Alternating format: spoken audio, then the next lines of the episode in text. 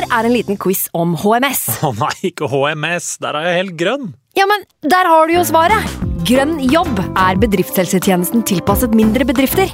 Våre HMS-eksperter hjelper mer enn 8000 bedrifter over hele Norge med alt fra lovpålagte HMS-krav til pålegg fra Arbeidstilsynet. Få på plass bedriftshelsetjeneste på grønnjobb.no. Hallo? Jeg kommer fra Oslo politikammer. Ine Jansen er purk. Er du purk? The motherfucking bitch. Alt jeg vil, er å finne ut hva som skjedde med mannen min. Jon Carew. Er jeg sikta for noe? Iben Akeli. Det er du. Ole So, Lars Berrum og Big Daddy Karsten. Hvem sin side er du på, egentlig? Anette Hoff, Tone Danielsen, Kommer du fra Afrika? Jørnis Josef, Nesten. Kløfta. Trond Espen Seim, Det er synd å si det, men det var feil mann som døde. Purk. Premiere tirsdag på TV2 Play. I can't believe it. Football, bloody hell.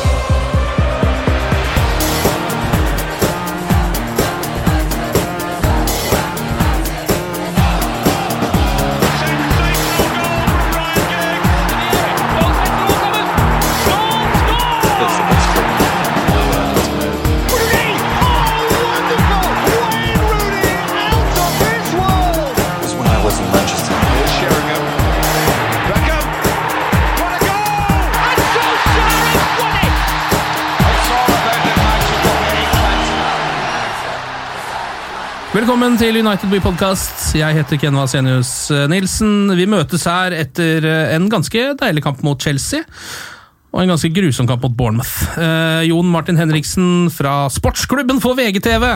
Gjøgleriksgjøgleren Jon Martin Henriksen, velkommen! Hei, takk, takk, takk for det, Ken. Det er godt å se deg. Ja, like måte lenge siden. Jeg blir alltid glad når jeg ser fjeset ditt, for jeg regner med at det skal følges opp av noe, eh, enten noe spy eller noe brød, eller et Ja. eller annet sånt noe. Det er sagt før, du har et mye morsommere fjes enn meg igjen. Altså, Du har et Ja. oppsyn som på en måte vinner veldig. Ja, takk for det. Eh, altså, Av de tre som sitter her, så har du det oppriktig soleklart mest vinnende ansiktet. Ja, takk for det, takk for det. Ja, Du kan ikke bli sur av å se på deg. Ja, det liker jeg godt å høre. Det kan du bli av meg, og han som uh, sitter i midten her. Uh, fra TV 2, kommentator og programleder Marius Skjelbæk, velkommen til deg også. Tusen takk. Jeg synes det er en god uh, Vi har fått inn vi har kanskje, Jeg mener at vi har ganske like fjes. Vi er jo hvite karer i litt samme alder, med skjegg og blondt hår. Du, jeg tror faktisk at Hvis han slags Se og Hør, Ja. sånn, når du blander sammen fjes, Ja. så kunne Skjelbæk og meg endte i deg. Ja! Og hvis, og hvis du er med, Ja. så hadde det blitt Truls Svendsen. Ja! Dette er jo fantastisk. Ja, dette er nydelig. men jeg er litt enig, faktisk. For det er ikke noe sånn vi, eh, det, er jo et, det er jo liksom et visst form for shubby i oss alle.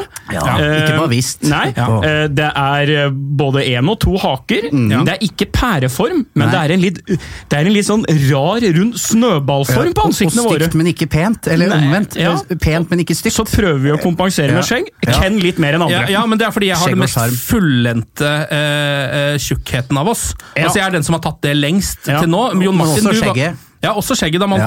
kom- kom- med det. Mm. Du, har jo gått litt, du er jo tidligere tjukkas, Jon Martin. Nå ser du ganske vanlig ut. Eh, Hvordan er det med deg, Marius? Jeg var helt latterlig spinkel. Ja, men du har også hatt en litt tjukk periode, og så begynte du å Da gå. ja, nå begynte å løpe.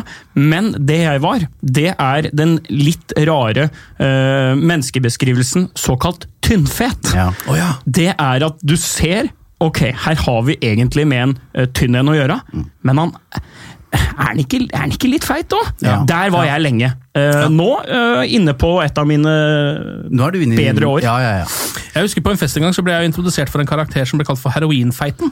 Uh, og Det var fordi at han også var heroinist, men allikevel klarte å være overvektig. Det er imponerende. Og det Ja. var en ganske fascinerende figur. Ja. Du skjønner at det ikke går så bra med Manchester United om dagen. Bare sånn. Ellers, hva fikk du til konfirmasjonen? Oh, ja, Vi kvier oss litt for å komme i gang, men vi må jo bare hoppe i det. Uh, skal vi starte med Chelsea-kampen, eller siden det er litt, litt hyggeligere? Ja, det Kan godt det. Ja. Ja. Eh, Chelsea i ligacupen eh, på Stamford Bridge. Manchester United går ut i eh, det som er liksom blitt Solskjærs nye foretrukne formasjon. Jeg kan kalle det 3-5-2 eller 3-4-1-2 eller hva man vil, egentlig. Um, hva tenker dere om matchen?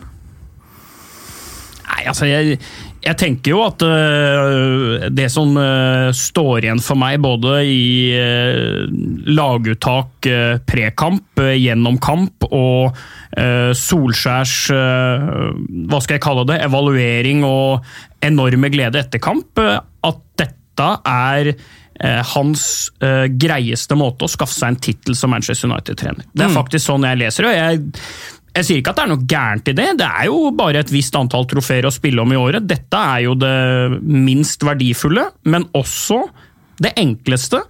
Og når han starter med sju av de samme spillere, som han da bruker i en påfølgende, etter mitt skjønn, ganske tøff bortekamp, så er det en helt klar eh, indikasjon for meg på at ligacupen er noe Solskjær kommer til å prioritere, og et trofé som Manchester United-manager kommer til å være viktig for ham. Du må jo begynne å kalkulere, ikke sant? hvor er det størst mulighet nå? Eh, og så ser du på tabellen i Premier League allerede. Ok, Hva eh, får vi størst utbytte av her per nå? Å gå, gå videre i ligacupen, eller å tape for Bournemouth? Altså, hva, hva er mest sviende her nå, da? Og jeg tror faktisk en exit av ligacupen er verre da enn å tape bort mot Bournemouth. Det tror jeg også. Ja, Det er det Solskjær tenker. Og det Ja. ville vært helt utopi for ti år siden, eller kanskje til og med bare under uh, Moyes og van Hals dager som Manchester United-manager, å gjøre den prioriteringa. Men sånn det er blitt nå, så, så, så klarer i hvert fall en liten del av meg å forstå det. Ja, ikke sant? Det er jo kanskje det verste igjen, at Ja. man uh, har blitt med på dette her hele veien. Jo, ja, jo, men Ja. Dette er jo en slags 70-80-talls Manchester United, Ja, hvor du er ja. et cuplag og lever av de oppturene og det en cupfinale gir. Ja. Eh, og det er for så vidt greit, det, men jeg tror nok Ole Gunnar Solskjær etter den matchen tenkte at nå har jeg hatt en jævlig god uke, og jeg har truffet på alt. Altså først, du, du, du har Liverpool, eh, eller ti dager hvor lenge vi skal si det var. Uh, klarer å nulle ut Liverpool uh, til dels med en, en ny formasjon. Uh, vinner borte mot, mot Partisan og får den etterlengta borteseieren. Drar til Stamford Bridge, samme formasjon, men gjør et bytte formasjonsmessig da Chelsea får får 1-1.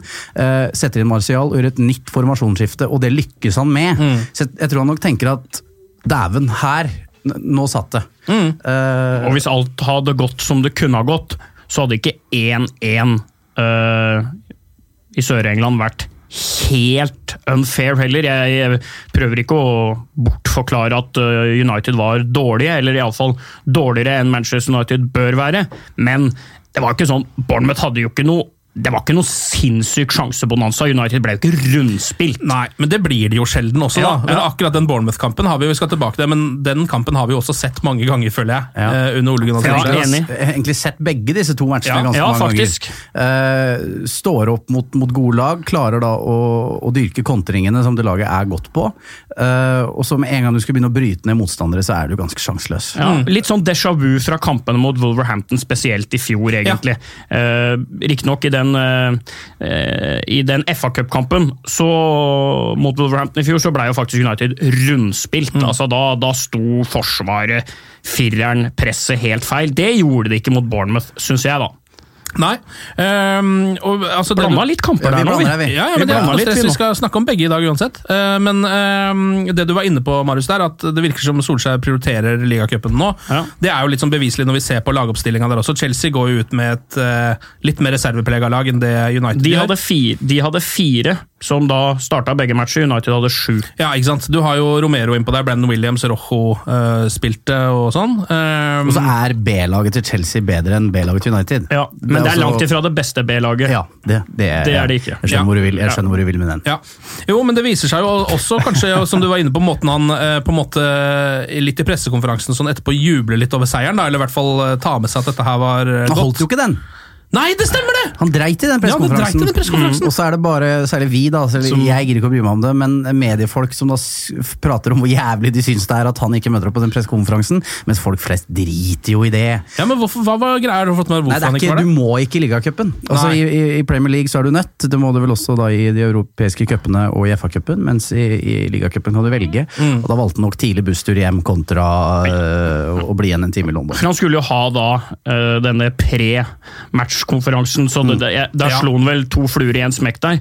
Men der virka han jo på meg ganske fornøyd med en skalp, da, som tross alt Chelsea bort der, og det er jo litt sånn det Det er jo litt sånn det uh, Solskjærs Uh, testament i Manchester United vil bli, om dette skal skjære seg. Uh, det er jo litt for tidlig å si, men testamentet hans vil jo faktisk være bra uh, i kraft av at du har gitt supporterne og fansen en del øyeblikk som veldig mange andre som har prøvd seg utenom sir Alex Ferguson, har klart.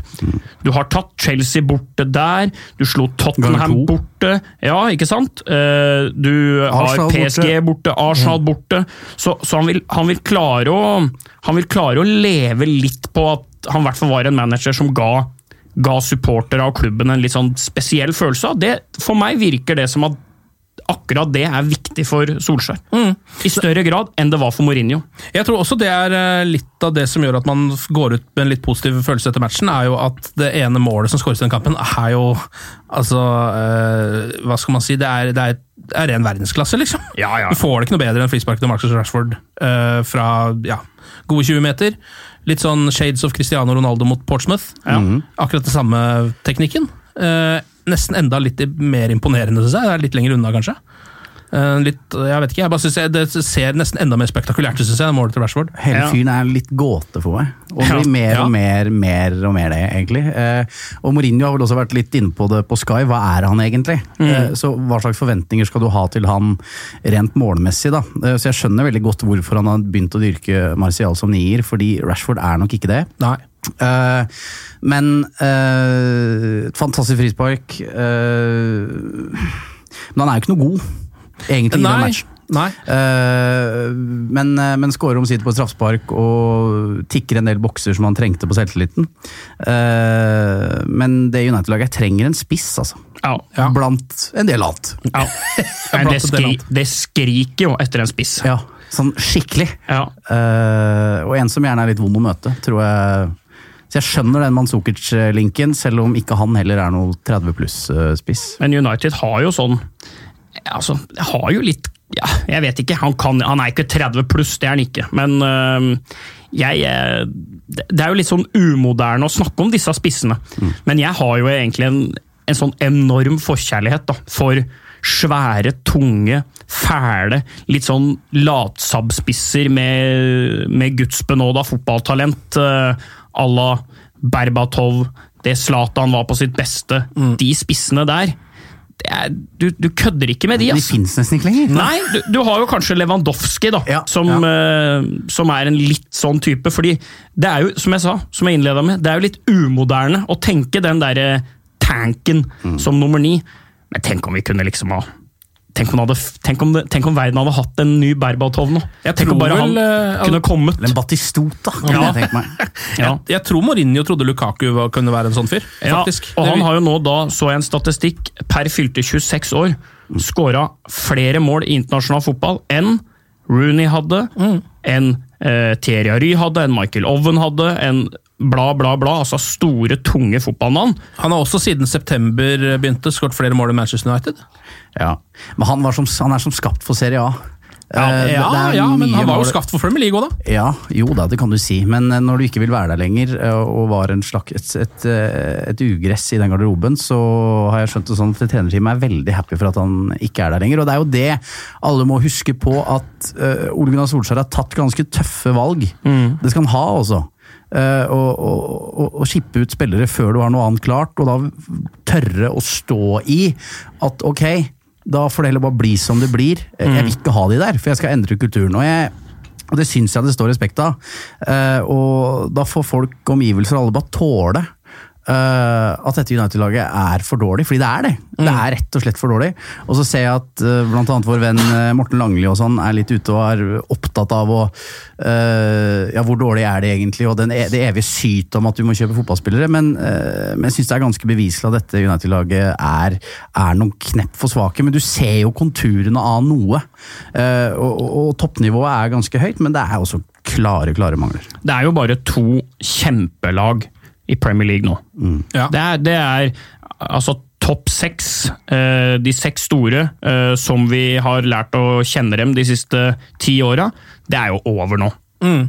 Nå, nå tror jeg det er over. Eh, jeg tror vi kommer til å se flere sesonger nå hvor eh, lag som Leicester Tenk deg Everton, da. Et normalt Everton da, de siste 15 åra. Ville jo i en sånn type sesong klart å krangle seg inn. De har jo liksom alltid ligget rett under der. og alle har tenkt sånn Er det Evertons år? Er det Evertons år? Så har de da selvfølgelig et møkkaår, det året de har muligheten til å klare det. Men altså, nå er, nå er det bare to fenomenale fotballag. Tottenham er dårligere enn fjor, Arsenal er jo helt ute og sykler. Chelsea er vel sånn eh, kanskje det som er mest likt det det var i fjor. Eh, så det er ikke helt umulig å bli topp fire, det er det ikke. Er det sånn sett liksom egentlig en ganske sånn god timing på å kjøre et lite generasjonsskifte eller opprydning i stallen, eller hva vi skal kalle det? Gjenoppbygning av laget, som er det Solskjær Ja, prøver på? kanskje. Eh, Jeg vet ikke om det er, hvor viktig det er, og tidspunkt og sånne ting, men noe måtte skje uansett. Men Det viktigste er jo at den klubben er egentlig uavhengig av hvem som er manager, står i dette her nå, da. Eh, og det er greit nok å bytte manager, men hvis du gjør det, så må du for guds skyld fortsette på eh, den kursen du nå har staka ut. For liksom, det beste nå er om de sparker Ole Gunnar Solskjær og ansetter Carlo Ancelotti. Liksom, Ja. liksom, at du, igjen eh, begynner på et eller annet helt nytt. Eh, så Generasjonsskifte er jo et ord som utelukkende brukes om lag, klubber og foreninger i motgang. absolutt. Altså, Det norske fotballandslaget var, var jo et konstant generasjonsskifte. Var vi, har, vi har bare dekka Ja, altså, ja, ja, ja, generasjonsskifter, ja, det bare vært generasjonsskifter. Altså, det er jo litt sånn Det, det gjelder jo for alle. Ja. Ikke sant? Slekt skal følge slekters gang, og vi synger 'Deilig er jorden'. og det, det, Jo, alle jo, men- må, jo, alle Ja, ja. må jo ta det. Det er jo bare at United har vært så elendige på spillelogistikk at de setter seg i en situasjon hvor det ikke er noen vei utenom et generasjonsskifte. Mm. Det er, jo, det er jo det som er fakta. Det skjer jo i City, det skjer jo i Liverpool, det skjer jo overalt at noen spillere blir gamle og det kommer unge til. Så det er jo bare at du havner i en situasjon hvor du Hvor alle må bytte samtidig. ja, hvor alle offiserene dine da, er borte, og du bare står med bønder. Det er jo litt sånn, det er ofte det som preger lag som i over mange år har vært for dårlige på dette her. Mm. Og det er jo helt sinnssykt at en klubb av den størrelsen havner i en sånn situasjon. Uh, men nå virker det jo Så Ed Woodward var ute i et intervju med United We Stand og liksom erkjenner også at de har gjort feil. Uh, Hva og- sa han da? Nei, blant annet at ja, de har bomma, de har vært for dårlige på spillelogistikk. Eh, og prøver da selvfølgelig også å forklare at apparatet rundt er større enn hva omverdenen kritiserer de for å være. At det er liksom eh, mange nok mennesker som jobber med overganger i United. Men eh, tilbake til det. Jeg syns det er et tøft valg av en manager som på en måte omverdenen er veldig skeptiske til om er kapabel til å gjøre en sånn type jobb. Og da tørre å eh, kvitte seg med eh, etablerte, markante fotballnavn, og heller kjøre på eh, med unggutter som folk knapt har hørt om. Og det, syns jeg det står respekt av, uavhengig litt hvordan dette ender. Og jeg har sagt det andre steder òg, at jeg frykter litt på Ole Gunnar Solskjærs vegne at han vil bli huska for mannen som starta noe nytt, og Ja. ikke fikk fullføre det. Ja, Sjau- Sjauegutten? Men Ja. det vil jo i hvert fall, i, litt tilbake til det med det testamentet hans, da. Det vil iallfall all, det vil i hvert fall for all tid stå igjen, da. At han var, at han var den manageren som tok det valget. Men jeg er enig, det kan fort være fare nå. At du, Altså, At du ja. trekker den strikken for langt, da. Ja. Og så tenker du at ja, men jeg får et nytt transfervindu, jeg må komme meg til sommeren. Og så klarer du helt Ja. aldri å komme deg dit fordi at resultatene er for dårlige. Men jeg tror det skal mye til før Ole Gunnar Solskjær mister den jobben i overskuelig fremtid.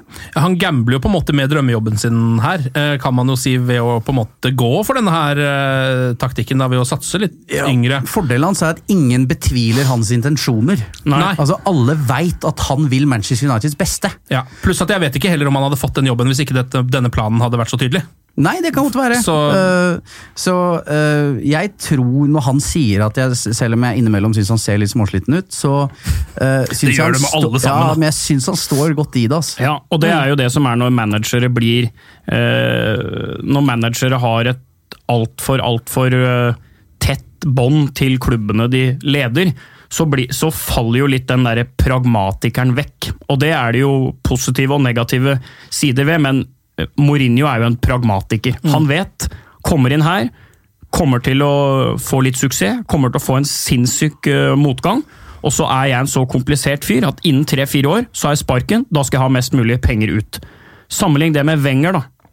Ikke sant? Som sto som et stabeis døgnet rundt, år inn, år ut, fordi han hadde null pragmatiske eh, evner. Ja. Han, for han var det, var det for viktig. Altså Arsenal var som en sønn, så han oppdro Arsenal den veien han mente var riktig, og selv om det kom litt impulser utenfra, så ville han gjøre det samme.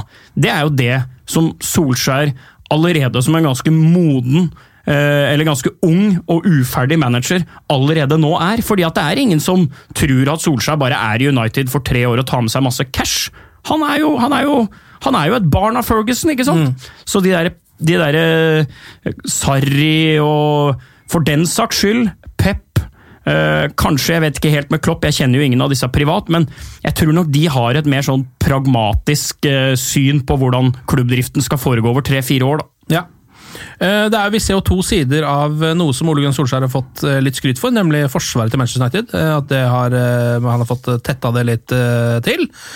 Mot Chelsea så I løpet av første omgang så har vel ikke Chelsea et eneste skudd på mål, det er jo godt. Men så ser man liksom Uniteds nye ja, kaptein i denne matchen, og han som liksom skal være stoppekjempen Maguire. Bare gå på en, altså tape en duell så hardt som det går an mot Michi Batshuayi. Yes. Han, han, slår han, også, han slår han i fire dueller i løpet av én duell, på en måte, og bare banker den inn. Ja, og jeg sitter litt ofte med følelsen sånn Hvor bra er du? Ja.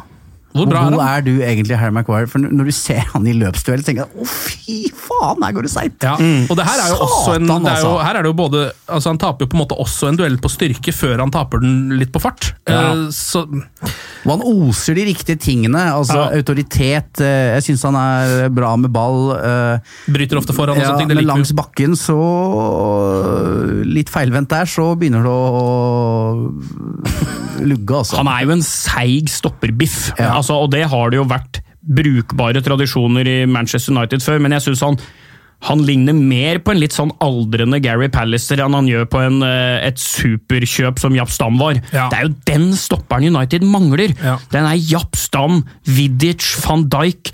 Det er, jo, det, er jo, det er jo de, tror jeg, da, som i kraft av ferdigheter og vesen sprer mer trygghet enn en, enn en sånn Maguire. da. Mm. Men nå er det jo ikke akkurat bakover problemet har vært i år heller, Nei så det er litt vanskelig å ta dem på det òg, da. Ja. Ja, men jeg tror faktisk på sikt at så er det Toan Sebe som er mak makkeren hans, og ikke Viktor Lindeløf. Jeg begynner Ja. å se litt konturene av det sjøl. Altså. Ja, Han ser jeg- bra ut. For jeg vet ikke hvor godt de to står til hverandre. Eh, men, eh, men for all del er jeg enig, det er ikke der det først og fremst eh, Vi skal vel både ett og to hakk fremover på banen før det liksom virkelig begynner å knipe. Ja, og to gode stoppere tror jeg liksom Det er litt sånn Ja.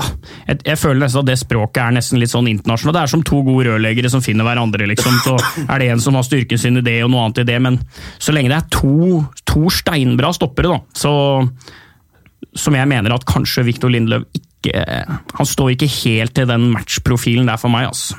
Nei, han gjør ikke det, eh, inntil videre. Jeg har liksom vært skeptisk, egentlig, litt sånn fra starten av. Sett litt røtig ut i de landskampene jeg har sett nå. liksom. Det er ikke noe sånn Ja. Og han er en sånn selvtillitsmann. Ja, det solskinnsspiller. Ja, sånn, når det lugger der, så ser det ut som han har svelget en kleshenger og liksom har Skuldrene er skyhøye, da. Uh, men, uh, men han er, det, er liksom, det er jo det som er problemet. United har veldig mange ålreite fotballspillere. Ja, ja. Sånn ålreit, men få veldig gode. Uh, og det er jo der også haken er, da. Skal vi ta og dele ut noen poeng til Uniteds eh, tre beste spillere, eller mot eh, Chelsea? Jeg har vært innom uh, at Maguire ikke hadde den aller beste kampen, kanskje? Nei, jeg syns ikke han var dårlig, altså. Mot, mot, Nei, jeg synes han sjelden er dårlig. noen- ja, han er sjelden dårlig, men han viser, noe, ja, viste i hvert fall den klareste svakheten han har Ja. vist det nå. Nei, jeg- uh, Rashford var helt ålreit, skårte jo et sinnssykt mål. et Må jo i hvert fall få et poeng på det, da. Og så syns jeg vel uh, David Hea også har et par redninger der, og er eh, Fred leverte ikke sin verste match. Nei, det er jeg enig. Eh, kan jeg hoppe rett til bestemannen min? For det er enkelt. Ja. Eller, går, eller ødelegger jeg hele spenningen i denne konkurransen? kjør- kjør. Nei, jeg syns vel Scott McTominay er banens beste uh, for United, uh, på midten. Uh, jeg tror det, Marius. Ja, jeg kan være enig i det. Og det er jo ofte litt sånn å banne litt i den fotballkirka, men han han syns jeg hypes nå til noe litt bedre enn han er, sånn rundt omkring. hvis jeg skal være helt ærlig, Ja. og det skal jeg jo være. Men jeg kan være enig i at jeg syns han var god da. Så ville jeg gitt David De Gea to, og så kan du få da ta igjen. Jeg skal gi Rashford ett, da. Syns jo det. Må få i hvert fall ett poeng på det Man målet. Man er vel nåtidens Darren Fletcher, Marius?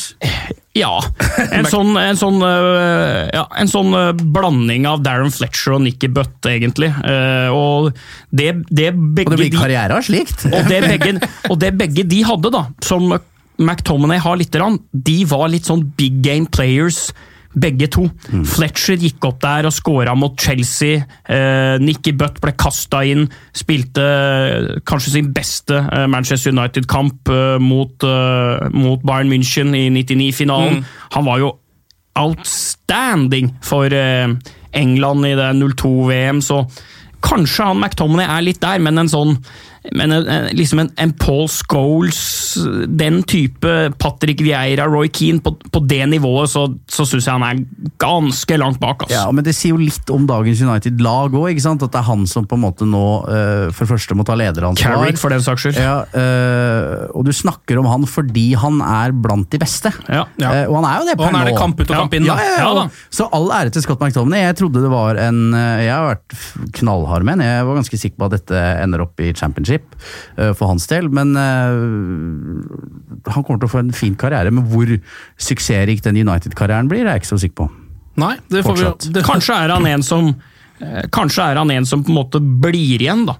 Eh, I, eh, når laget nå er i utvikling, så er han jo en sånn eh, spiller som eh, fansen liker, som byen åpenbart liker, og som står godt til disse her, eh, kall det Manchester United-verdiene. Så kan man jo lure på hvor det er blitt av de de siste eh, sju-åtte åra, men eh, allikevel så, så kan det vel hende at han at han er den spilleren som blir med hele veien. da. Uh, Og Det ville jo vært gledelig om han skulle avslutta karrieren sin med en 450-500 Manchester United-kamper. For ting handler jo om roller. Og, Ja, det gjør det. Hvordan, hvordan ser dette United-laget ut om to-tre år? da? Han er det perfekte ankeret på midten i det Manchester United-laget. Ja. For Du skal ikke undervurdere det å passe inn i et, i et visst lag, et visst system og i en viss epoke. Og Det er godt hende han gjør. United trakk Colchester eh, hjemme i ligacupen eh, i kvarten, så det spørs vel om det er her kanskje Solskjær har tenkt å hente trofeet sitt. Det er i hvert fall beste muligheten han har. Det, Europa League det blir ikke noe det blir ikke noe lettvin-variant, altså. Der, der, kommer det, der kommer det storlag som er på etterkjelke i Champions League inn, så ja, det er Ligacupen er jo hans beste mulighet. Eh, Den vanskeligste muligheten er jo i hvert fall Premier League, sånn som det ser ut akkurat nå. Vi skal dit nå. Eh, 1-0-tap for Bournemouth. Joshua King skårer et bra mål. Eh, Andreas Pereira er vel den som har blitt nesten mest omtalt etter den kampen, av Manchester United-supportere iallfall. Leverer en veldig dårlig kamp. Ja, Man er sånn veldig lett offer òg. Ja, Sånn, eh, jeg syns jo ofte når du ser eh, United tape disse matchene, så syns jeg det er vrient å peke på én og én og si at det var du. Eh, Ja, det er jo aldri det, men han mister nei. ballen hver gang han har den, da. Ja, det, det, og det er greit. og det er i den offensive delen av banen, hvor de liksom Hvis han hadde klart å gi den ballen til noen, så kanskje det kunne skjedd noe. Uh, Han spilte en dårlig kamp. Veldig dårlig kamp. Ja, ja, absolutt. Uh, men det er jo et kollektivt ganske Ja. dårlig greie. Uh, Men, det, og- er- ja, men det, det jeg har lyst til å peke på der, er vel egentlig at hvorfor Ole Gunnar Solskjær absolutt spiller med en tier, som da må bli Andreas Bereira, nesten sånn som det er nå. Hvorfor tviholder han på den liksom type formasjon når det går dårlig gang etter gang, og han ikke har den tieren, da? Men managere er ofte rare sånn, altså. Ja. Uh, og, og velger altså, Forkjærlighet, eh, kjenner Pereira fra mange år tilbake i tid. Uh, Har troa på han, liksom. Ja, og, og, og ser ting som vi kanskje ikke ser, da. Som Ja. fotballtrenere ofte liksom, Mm. holder jo på med. Forkjærlighet for, for, for noen spillere. Uh, og tidvis så syns jeg han glimter til, ikke i denne matchen, men liksom du ser ok, okay ja, men du har det og det, men totalt sett så syns jeg ikke han er god nok til å til å på en måte være fast i et United-lag, som han nå er. Uh, Og den T-rollen er litt sånn hvem faen skal spille den? Ja, ikke sant? hvem, og noen, altså noen lag og noen stiler passer veldig godt til å ha den uh, T-rollen. Uh, mens andre lag har jo andre tiere. Altså, tiera i Liverpool, det er jo bekkene. Ja. Ikke sant? Det, det er jo de som har den siste kreative, Ja. ofte nesten litt. Ja. Ja, han kan jo droppe ned der. Uh, han er jo best i to posisjoner, egentlig, i Liverpool, men der føler jeg at stilen er liksom sånn at der er jo bekka nesten de som, de som kommer opp og legger finishen på, på angrepet. City har både De Bruyne og Silva på hver sin side, som, Ja, to, som veksler på hver en tier, nesten. Ja, og så hadde jo Manchester United i sin tid Beckham, som eh, liksom var en sånn blanding av en eh, flanke og en sentral midtbanespiller. Så det, det er liksom Solskjær er jævla sta på det der. Ja, han er det. Skulle tyne Lingard ut der, og nå er det Pereira. Han er fryktelig sta på det, altså. Ja. Og jeg, det er egentlig sett fra start Jeg, jeg, jeg syns den troppen der kler 4-3-3 bedre. Ja. Ja. Og selv når Paul Pogba er tilbake. eh, når du i hvert fall ikke har Enten så må han spille i tieren, mener jeg, Ja. eller så må han spille indreløper i 4-3-3. Ja, det var jo der han var best i, for Juventus. Eh, og i og i Frankrike, faktisk. Og for så vidt egentlig i, i United. Mm, så jeg synes, i hvert fall når du ikke har en tier Ja. Altså, United har jo ikke det. Eh, Juan Mata, da, men som du aldri helt veit hva du får med. Og du kjører ikke Juan Mata som tier i en toppmatch. Nei, det gjør du ikke. Eh, Du, du, du vinner noe, men du mister for mye. ja. Eh, Et annet spørsmål er jo hvorfor altså, eh, Burde ikke Manchester United gå inn i den kampen her med en viss selvtillit, egentlig? Men jeg syns de begynte bra, da. Ja, syns du det? Ja, jeg syns det første kvarteret var Ja, ganske det ålreit. det, det har, det har det også ofte vært det, den sesongen, her, synes jeg. Ja. At de har vært ganske gode første kvarter i 20 minuttene. Ja. Gjerne egentlig hele første omgang i noen kamper også, så Ja. har det gått helt annerledes i andre Ja. omgang. Men denne troppen er altså såpass sårbar, såpass ujevn, uh, at eh, det er like naturlig at United slår Bournemouth 1-0 som de taper 1-0, tenker Ja, jeg. ja. Uh, får ikke noe sjokk verken den ene eller den andre veien. Og det merker jeg sånn følelsesmessig òg, at uh, livet gikk videre Ja. etterpå. Eh, og For det er liksom den X-faktoren liksom, Det er Daniel James som på en måte kanskje viser seg å være et av sesongens beste kjøp. Mm. Uh, Det var sånn som får straffespark mot Chelsea, vi nevnte ikke det, Ja. men han får mye straffer. ja, ja. Uh, og er den som har ofte mest å by på offensivt, og det er jo på en måte litt alarmerende det òg. så Han har litt det derre eh, James har litt det eh, Saha over seg. Altså Når han kommer én mot én eh, mot en uh, stopper eller en back uten sikring, da, da, det, da, har du, da har du som forsvarsspiller da har du tapt. Ja. Fordi det, det, det beste du kan håpe på, det er at dommeren mistenker deg for filming. Ja. Se, på han, se på Saha for Palace i år. Ja. Altså, det, er jo, beste våpenet de har, det. Ja, ja. det er, og så skal han der eh, Milivojevic. Komme og sette den straffa. Ja. Så, og, og se på United òg, med straffer. Du burde egentlig bare fått seg Milivojevic, så hadde dette her vært mye bedre. Ja, ses dem, ja. Sesongen hadde jo Ja. sett annerledes ut Ja, hvis de straffene hadde blitt hamra i mål. Ja. Men der syns jeg James er god. Altså, for det, du, eh, ja, det, er, det, det, det er det beste motstandere kan håpe på. Det er at han overspiller litt. For det gjør han jo! Ja, ja, ja, Lite grann. ja, ja. Det er Han veit jo utnytte det. feilaktige gule også Ja, allerede. ja, nettopp. Man er en skikkelig kul spiller. Ja, jeg syns det. Skikkelig. Ja, jeg Og det syns det. Og, og det er liksom i et litt sånn typeløst lag, Ja. eh, så, så er det kult å, på en måte, at det er en sånn der. Ja. Uh, og, og det er jo tilbake i en tale for dette prosjektet at uh, Må jo kunne si at alle de tre har vært med på å heve, heve lag. Ja, kjøpene til Solskjær, ja. Mm. ja absolutt. Der syns jeg jo tilbake til Marcus Rashford. Det er jo det jeg syns han mangler. Han mangler litt vesen, han mangler litt sånn karakter. Det er sånn ofte, jeg syns ansiktsuttrykket hans ofte er helt likt hele tida. Ja. Om det blir en corner fordi at du nesten har dribla deg forbi og får spilt den i, så er det ned med huet sånn.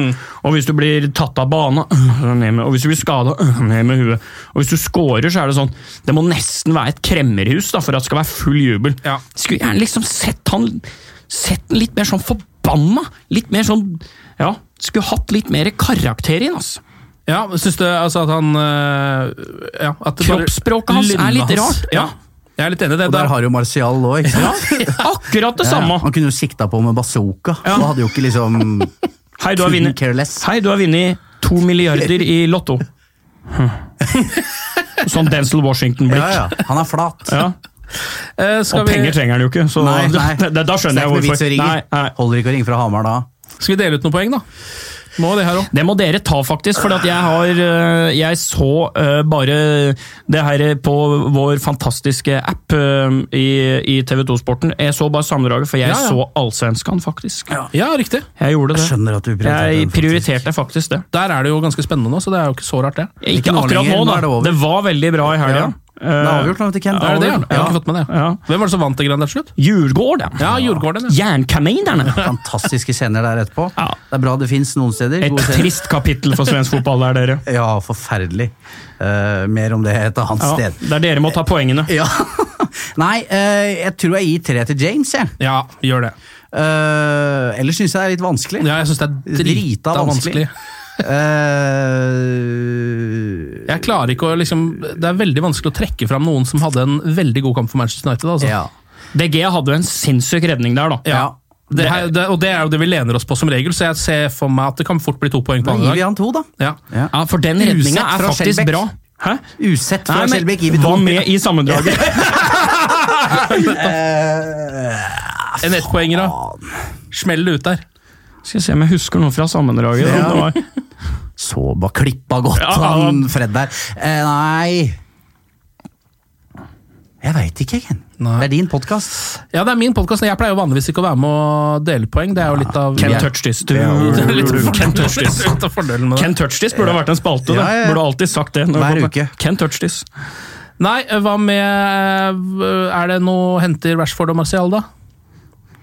Nei, skapte jo ikke en dritt. Nei, gjorde ikke det. McTominay, da? Han pleier ofte å ha helt greie kamper. Nei, Nei, du verden, nå sitter, vent, nå her- sitter verden og venter i spenning her. Dette må de ha avklart. jeg går motstrøms og gir et poeng til Ashley Young. Det er flott. Vi applauderer Ashley Young. Siden han innimellom vet du, Han er noe for meg. Ja. Altså, Han er ikke den verste spilleren i den toppen. her, han. Nei. Men en opplagte hakkekylling, Ja. ett poeng og god jul. Ja, God jul! Eh, Et relevant spørsmål her er hvordan skal man egentlig klare å holde motet oppe og samtidig se United spille fotball? Eh, Jon Martin, du har tydeligvis gjort det ved å bli apatisk. Det fungerer jo. Ja, det har jeg vært i mange år nå. Ja. Uh, Har en veldig spesiell syke, Jon Martin. ja, ja, veldig spesiell. Ja, jeg må si det. Eh, nei, som jeg har sagt før, jeg liker jo litt når ting går trått. Jeg syns jo det ofte er litt kjekt. Uh, å dyrke dritten, på en måte. Ja. Nei, jeg syns ikke dette er så ille. Ærlig talt, slapp nå av. Uh, tilbake til at uh, jeg syns du ser konturene av hva en manager prøver på. Jeg, jeg tror på den veien som nå er staka ut. Tilbake til det at jeg, jeg frykter at han som har ansvaret nå, kan risikere å falle for at uh, en annen manager uh, må ta over på et eller annet tidspunkt. Jeg håper ikke det går sånn. Uh, men i, i motsetning til de andre regimene, da, så ser jeg en eller annen Jeg, jeg forstår hvor han vil. Og det har jeg ikke sett hos de, de tre andre som har prøvd seg etter, etter Ferguson. Nei. Så derfor eh, Det så det jo tydelig hos Moyes. Han hadde en klar plan. Gjøre United til Everton. Ja. eh, Få inn Fellaini. Det var tydelig, det. Og det er ærlig nok, det. ja. Og Mourinho hadde jo på sett og vis uh, også sin plan. Han fikk jo hente akkurat det han ville. I ett år, eller i to år. Ja, To altså han, han prøvde å bygge United til uh, det han gjorde med Inter. altså Bare dyrke ei knallhard sentrallinje og håpte på at det skulle gå bra. Det gikk det jo ikke. Nei. Hva han eh, halvfulle van Hall gjorde Jeg tror ikke han bare var halvfull. Nei, nei, det var promillekjøring. Ja, ja, ja, ja. Men, men eh, Nei, det, der trodde jeg husker jeg trodde med van Hall litt sånn på slutten der eh, av eh, første sesong at jøss, kanskje begynner å ligne på For det var en fryktelig sterk periode der. Må slå En- Liverpool ja. borte, City hjemme, fikk jo Ja. bank! Ja. Det var artig, det. Ja, Og Var det der Rashford begynte å skåre mot Arsenal Ja, også? ja, ja. Ja, den perioden. Den våren der var Ja. ganske sterk. Ja. Eh, men eh, så, så ja, altså Jeg når, Han fikk ikke det han ville ha, alle de han ville ha i sommer, og valgte da å vente. Uh, og tilbake til det at jeg betviler ikke hans eh, intensjoner med dette prosjektet. Uh, så spør meg igjen i september, Ja. når du ser neste overgangsvindu. Eh, Og det etter det nå, kanskje? Ja, januar Nei, du- nå er jeg usikker på hvor mye de kommer til å gjøre. Ja, Det er et spørsmål om det som vi skal ta Ja, straks. ja, ja, det er jeg usikker på. Vi kan ta det med en gang. da. Ja. Det er Olav som spør om dette på Twitter. Uh, United trenger åpenbart forsterkninger i januar. Hva er realistisk? Og så, så, så lurer han da på om det er en partner til McSauce, som han kaller, kaller McTominay, Ja. eh, med Pogba i tieren. Eller skal man gå for en tier à la Madison, la Pogba og McTominay være midtbaneduoen? Men hvem skal du hente nå, da? Hva, hvor, hvor mye skal du svi av nå? Eh, For det første så har jo eh, panikkjøp aldri vært Manchester Uniteds store styrke. Eh, Dessuten, hva, hva Hvem? Altså, hvem er tilgjengelige nå?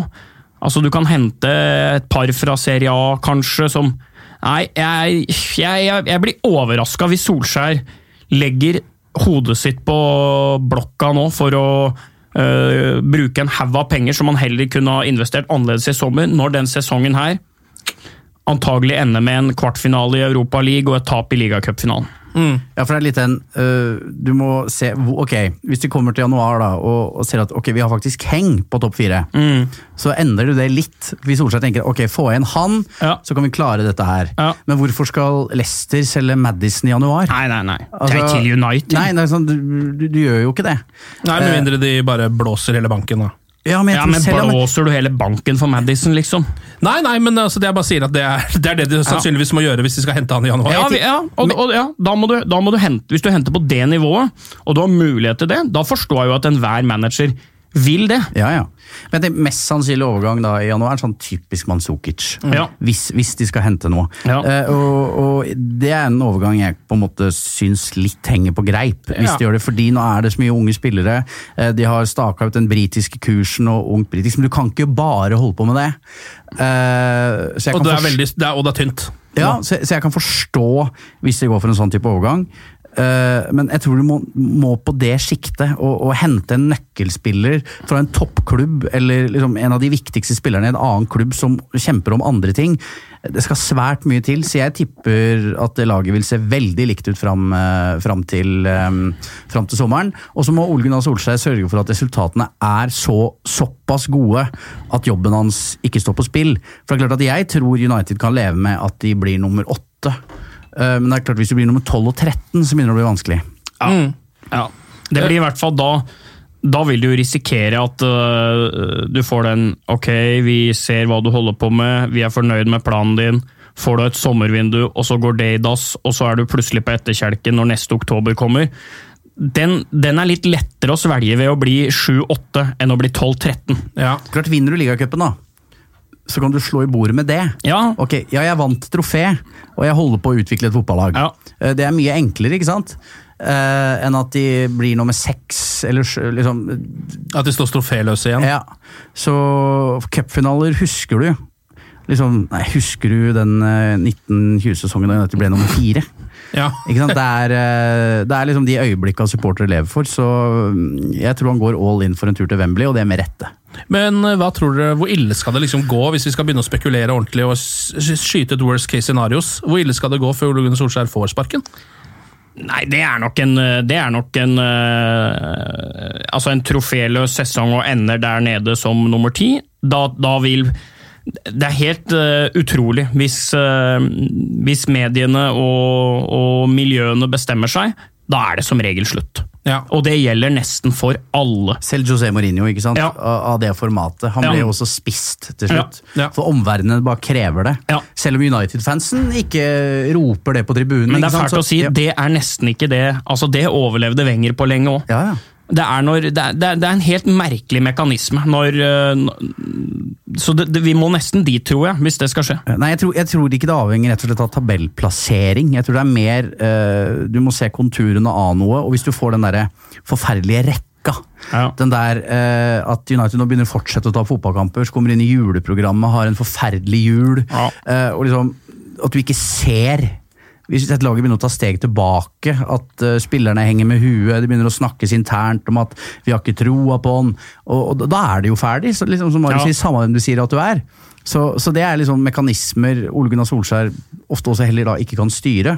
Uh, men jeg tror han er helt avhengig av sånne øyeblikk som på Sanford Bridge. Ja. Gir han tid. Ja, det gjør det. Uh, og den kampen mot Liverpool også var ekstremt viktig, så slår du Norwich, ikke sant? så da, uh, da, skjer det ting. Han trenger de der flytperiodene. Uh, Men havner han i en sånn Havner han i en lignende april-mai-loop som i fjor, da er jeg usikker på om for, for da blir det Det er jo Det blir jo litt sånn lead by example. Altså, det var umulig å ikke gi han den kontrakta. Da ville klubben hatt alt å tape. Så ga de han den kontrakta, og så gikk på mange måter alt til helvete. Og så kommer først fikk, Men da har folk i hvert fall et et lite atom i kroppen sier 'gi mannen tålmodighet', da. og så åpner du sesongen som du gjør mot Chelsea, og så er alt halla fucking lua igjen. Før det går på en litt sånn dårlig betalt periode, og så en dårlig periode, og så kom den perioden som du sier nå. Men jeg tror jeg havner den i en ny sånn lang, lang rekke med eh, møkk ganger møkk, da. Da er det over. ja, for det tror er, jeg. Ja, for det er jo fra lederhold også vanskelig å forsvare. Ja. Uh, men uh, Paul Pogba er en avhengig av å komme tilbake så fort som mulig. ja. Uh, Det er fortsatt jul, vel? Som Ja, men jeg tror det er liksom Det er det som er slitsomt med hans prosjekt, tipper jeg for han nå. Altså, han tenker hele tiden ok, nå må vi komme oss dit at han er tilbake. Som vil komme oss gjennom uh, juleperioden. Som vil egentlig bare komme oss til sommeren. Ja, og da ryker noen andre igjen, Ja, ikke sant? eh, så det er, eh, det er en krevende jobb han har, eh, men det er helt åpenbart at, tror jeg, hvis Ole Gunnar Solskjær ikke hadde følt at han hadde fått beskjed om at ok, dette har vi tro på, du kommer til å få tid, eh, så, hvis ikke så hadde han kjøpt noen fotballspillere, eller beholdt Lukaku, Lukaku, ja. eller Sanchez. Men samtidig så er vi tilbake til det at det går alltid til et punkt. Ja. Det fins en grense, en smertegrense for alle fotballklubber, hvor også øh, supportere begynner å glemme den øh, finalen i 99 mer og mer og mer. Ja, ja. Eh, men enn så lenge så tror jeg det er ytterst få som tenker at du, du må gå. Det tenker i hvert fall ikke jeg. Jonas spør også på Twitter hvorfor skal United som klubb hele tiden ha tid? Storklubber som Bayern, Real, Barcelona kan sparke trenerne sine etter resultater som ikke når opp, men fortsatt vinne trofeer året etterpå. Det er en helt annen kultur for det i Manchester United, og hvis du glemmer klubber som Chelsea, delvis Manchester City, så vil jeg nesten si England også. I Real Madrid så var det jo så ille at øh, Carlo Ancelotti uh, løfta Real Madrid opp igjen til å bli en Champions League-vinner. Året etter ble du ikke. Da var du ferdig. Martin Ødegaard var jo da i Real Madrid, og uh, har liksom hørt litt, litt sånn inside hvordan det var, da. Og det var jo bare det var jo helt utrolig. Altså, Carlo Ancelotti var mest populære uh, manageren spillere av de aller største stjernene. altså Fra Ronaldo, Ramos Alle gutta forguda han derre bussjåførlignende italieneren som egentlig hadde gitt de en kjempesuksess. Ja. Og så erstatter du han da med Rafael Benitez. Det gikk fint. Da kommer plutselig han inn. Og så gikk ikke det. Nei, da prøver vi han Da prøver vi han manageren totalt uten meritter, som drev og fløy og leda Castilla, Zinedine Zidane. Og så blei jo det bare en eksplosjon av suksess. Men kulturen i veldig mange italienske lag, i veldig mange spanske lag, den er helt, helt annerledes for det der. der. Så tid Det var jo ikke noe sånn det er jo i nøden spiser selv fanden fluer, men det var jo ikke noe enorm bråsuksess verken Pep eller Klopp hadde heller. Skal ikke se bort fra at det hadde vært vrient i Real Madrid, altså. Hvis Ja. det, og der kan du der kan du også se eh, scenarioet her. Altså med da eh, eh, Lopetegui, som også har brennsuksess som spansk landslagssjef, har på mange måter da løfta Spania litt opp igjen. De så bedre ut enn på mange år, før da VM i Russland. Ikke så mange, da, fordi at eh, herre min hatt, de hadde jo en De hadde en periode der. Nettopp. Men iallfall, han, han hadde de litt tilbake der, da. Så reiser de til VM i Russland. Da klarer han baronen i Madrid, da, Florentino Perez, å sørge for at dette blir spetakkel nok. Han setter alt! Han setter Spania på huet, han setter landet sitt på huet, han setter økonomien på huet. Alt for at han Lopetegui skal bli Real Madrid-manager. Før høstferien så er han ferdig! Snakk om fall. Ja, altså- da er han ferdig! Ja, ja. Han hadde det altså så lina opp. Han skulle først bare vinne VM med Spania, og så Ja. ta over Real Madrid. Ja. Fikk ikke gjort noen av tingene. Men, og det her, her eh, det tør jeg påstå, og det vil finnes eksempler som sikkert kan motbevise, men dette vil ikke skje i England. Nei.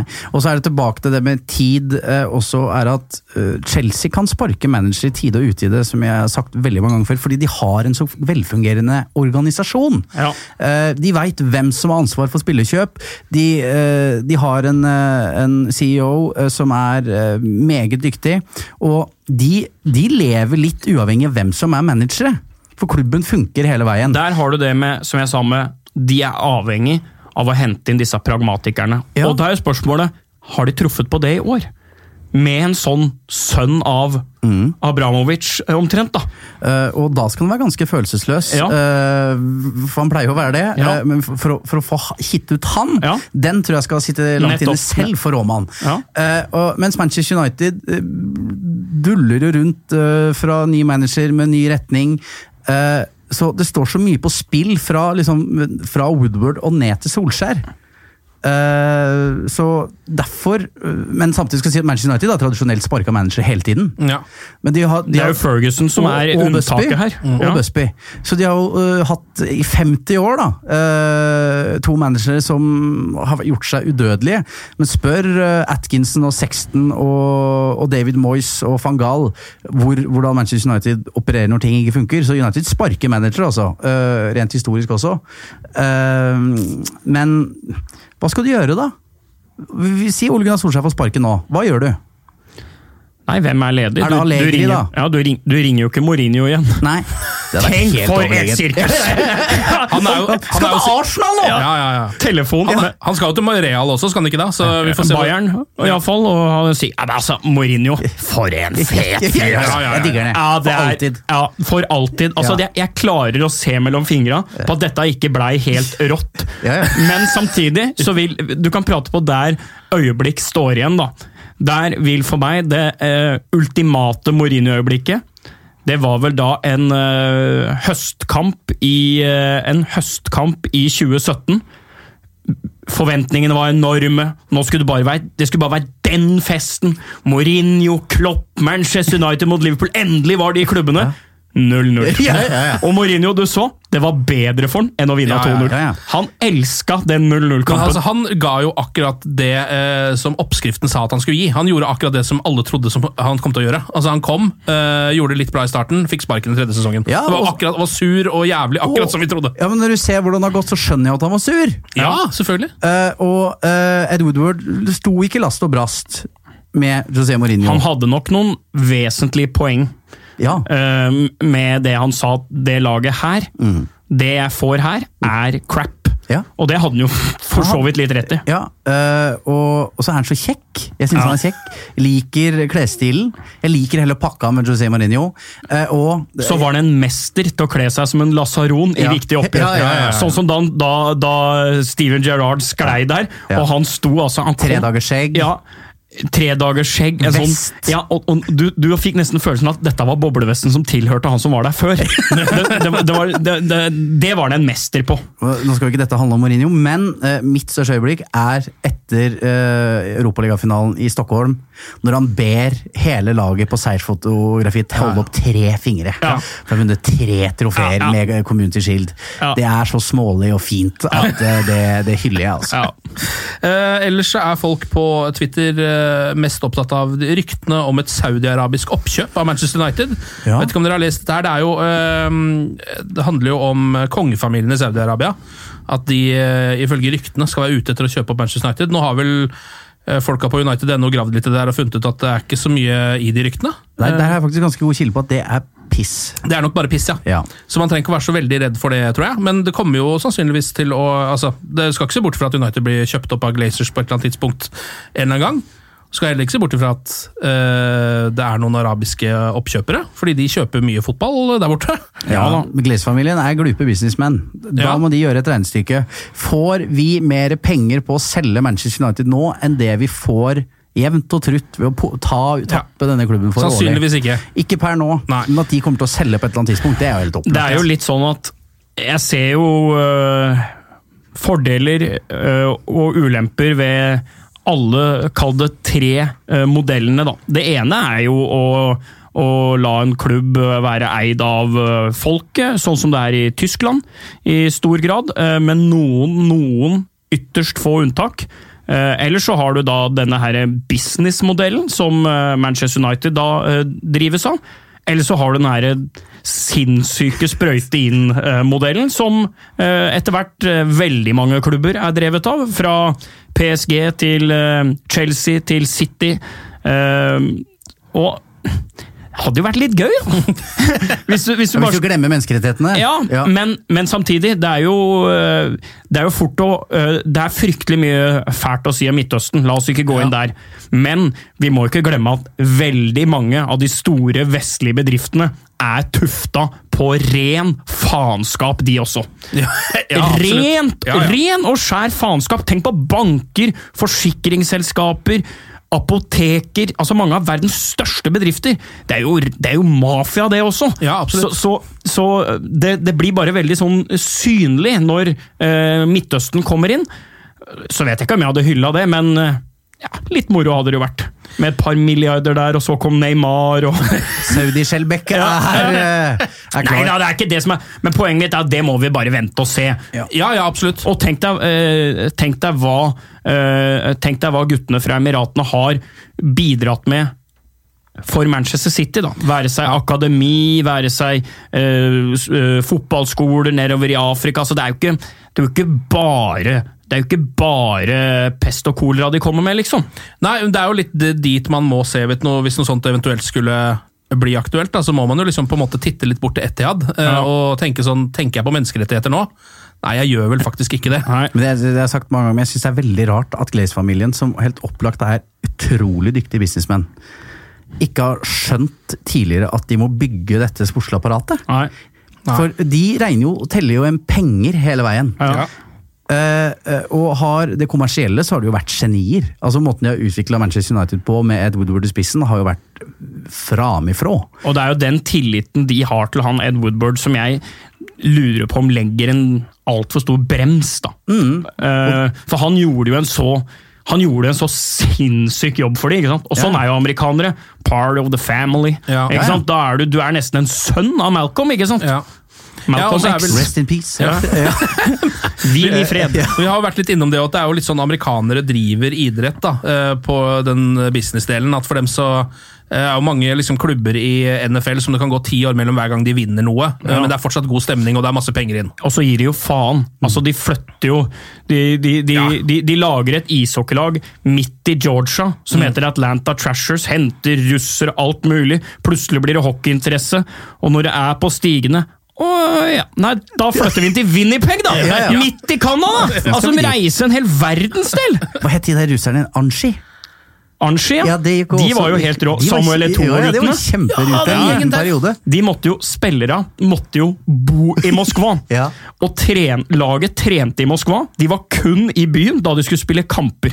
For hvis ikke, så hadde de hatt noen flyruter som, en gang, som ikke engang pilotene Pilotene eh, i eh, Hva heter eh, flyselskapet i Russland igjen? Vi har jo prøvd- Aeroflot. Aeroflot.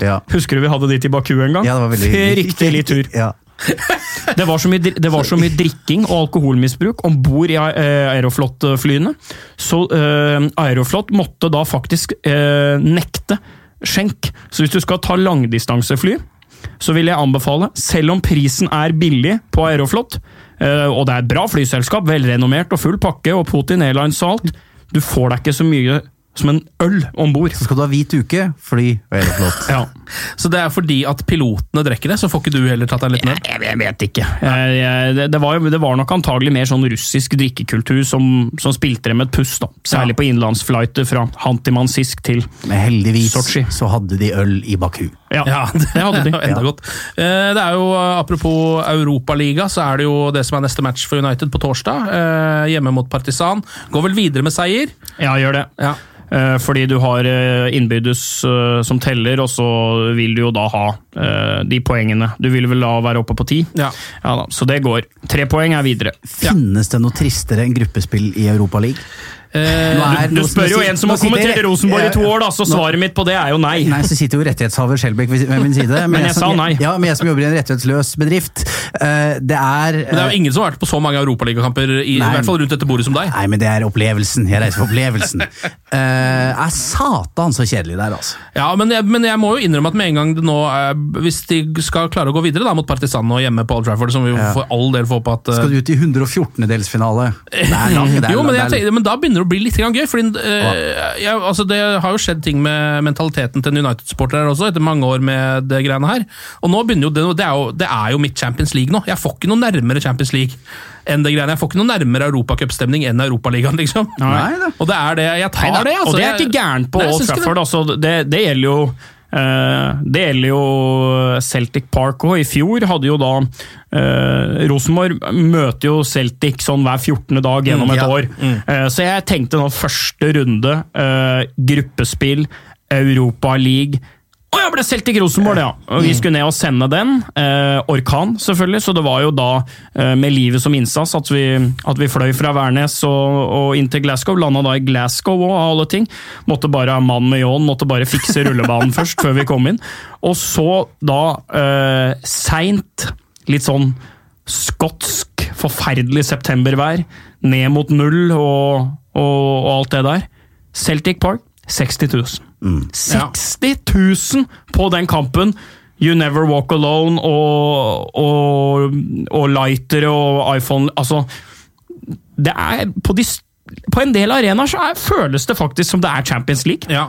Ja, og misforstå meg rett, jeg syns Europaligaen kan bli ålreit, altså, men utover. Jeg syns bare akkurat det gruppespillet det syns jeg er langt og, og trått. Ja. Liksom, er tungt på kunstgress i ja, Sveits. og sånn. altså. sånn, sånn Alkmaar borte der en torsdag. Nei. Det er ikke sexy, det er ikke det. Nei, men jeg, jeg, jeg så, jeg må innrømme det, at jeg var Jeg sjekka reiseruta til eh, Astana, men det er, var, ble litt for langt for meg. Det går ikke. Det ble litt langt selv for meg. Så er det jo Brighton, nok en hjemmekamp da, eh, på eh, søndag. Alt og tapekamp. Ja, det er jo det.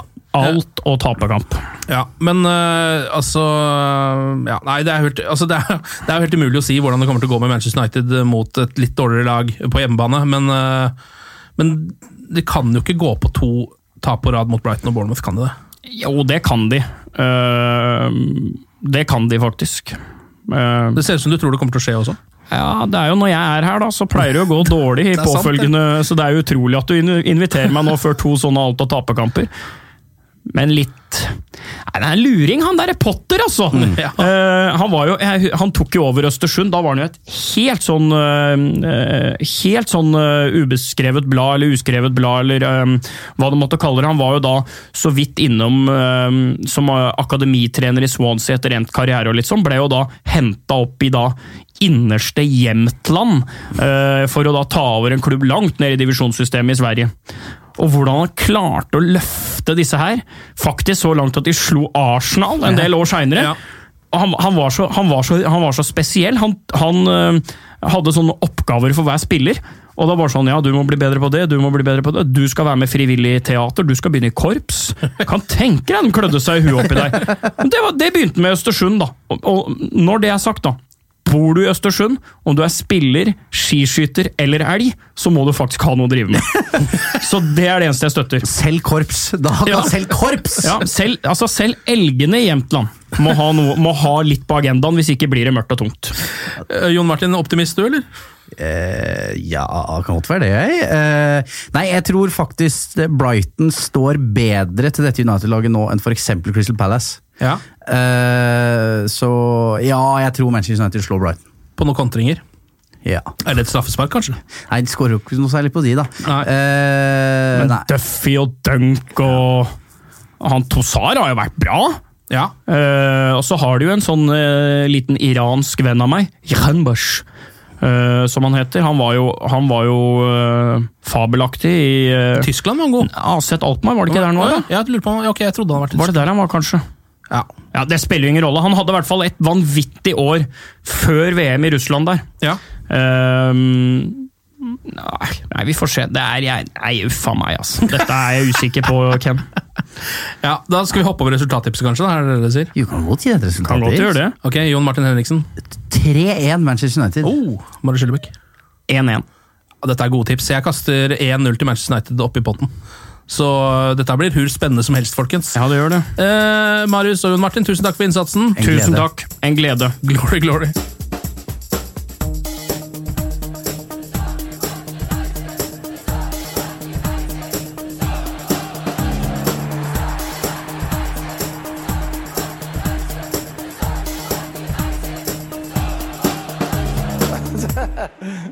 True.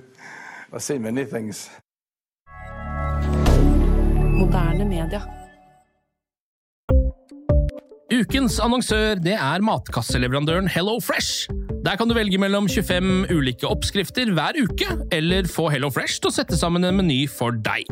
Jeg sparer tid på å handle, oppskriftene er veldig enkle å lage, og så får jeg akkurat det jeg trenger da, til hver eneste rett, så jeg slipper å kaste så mye mat som jeg vanligvis gjør. Det er også litt deilig å faktisk slippe å gå på butikken, ikke bare fordi det er tidkrevende, og sånn, men fordi man ender opp med å kjøpe så mye greier som man egentlig ikke trenger, sånn som fire poser eh, Smash og en kick med havsalt, eksempel. Det er ikke det du egentlig er der for, du er der for å kjøpe, kjøpe middag. Så det er en veldig eh, kjekk ting. I tillegg så er det jo eh, ferdigporsjonerte ingredienser, det blir mindre matsvinn, og du betaler bare for det du faktisk trenger, og det du faktisk da spiser. I tillegg så blir det da levert på døra til et fastsatt tidspunkt, sånn at du kan få det akkurat når det passer for deg eh, sjæl. Hvis HelloFresh høres ut som noe for deg, så har jeg en rabattkode du kan bruke også. Gå inn på hellofresh.no og bruk koden HelloUnited24. HelloUnited i ett ord, også 24, og få opptil 1779 kroner i rabatt på de fem første matkassene dine hvis du ikke har prøvd HelloFresh ennå. Du kan også bruke koden hvis du tidligere har vært kunde, men har stoppa abonnementet ditt for tolv måneder siden eller mer. Det er ingen bindingstid, og du kan pause eller avslutte abonnementet ditt akkurat når du selv måtte ønske. Husk koden Hello United24, og bon appétit! Ukens annonsør er Folio, en smartere banktjeneste for deg som har en egen bedrift eller ønsker å starte for deg selv. Folio er en superenkel nettbank for bedrifter. Som kunde i Folio får du en bedriftskonto med et bedriftskort og app. I denne appen er det smarte løsninger som forenkler regnskapet ditt, uansett om du har en liten bedrift eller et enkeltpersonsforetak. Folio er både intuitivt og brukervennlig, og er laget med et enkelt språk. I tillegg tilbyr de forutsigbare priser og ingen skjulte gebyrer. Skulle du likevel trenge det, så kan du snakke med deres raske og hyggelige kundeservice, og der får du prate med en faktisk person og ikke en chatbot. Folio er med andre ord både enklere og koseligere enn banken. Over 10 000 bedrifter har allerede valgt Folio som sin banktjeneste, så besøk folio.no og se hvordan Folio kan forenkle din hverdag også. Har du et enkeltpersonforetak eller en liten bedrift? Da er du sikkert lei av å høre meg snakke om hvor enkelt det er med kvitteringer og bilag i fiken, så vi eh, gir oss her, vi. Fordi vi liker enkelt. Fiken superenkelt regnskap.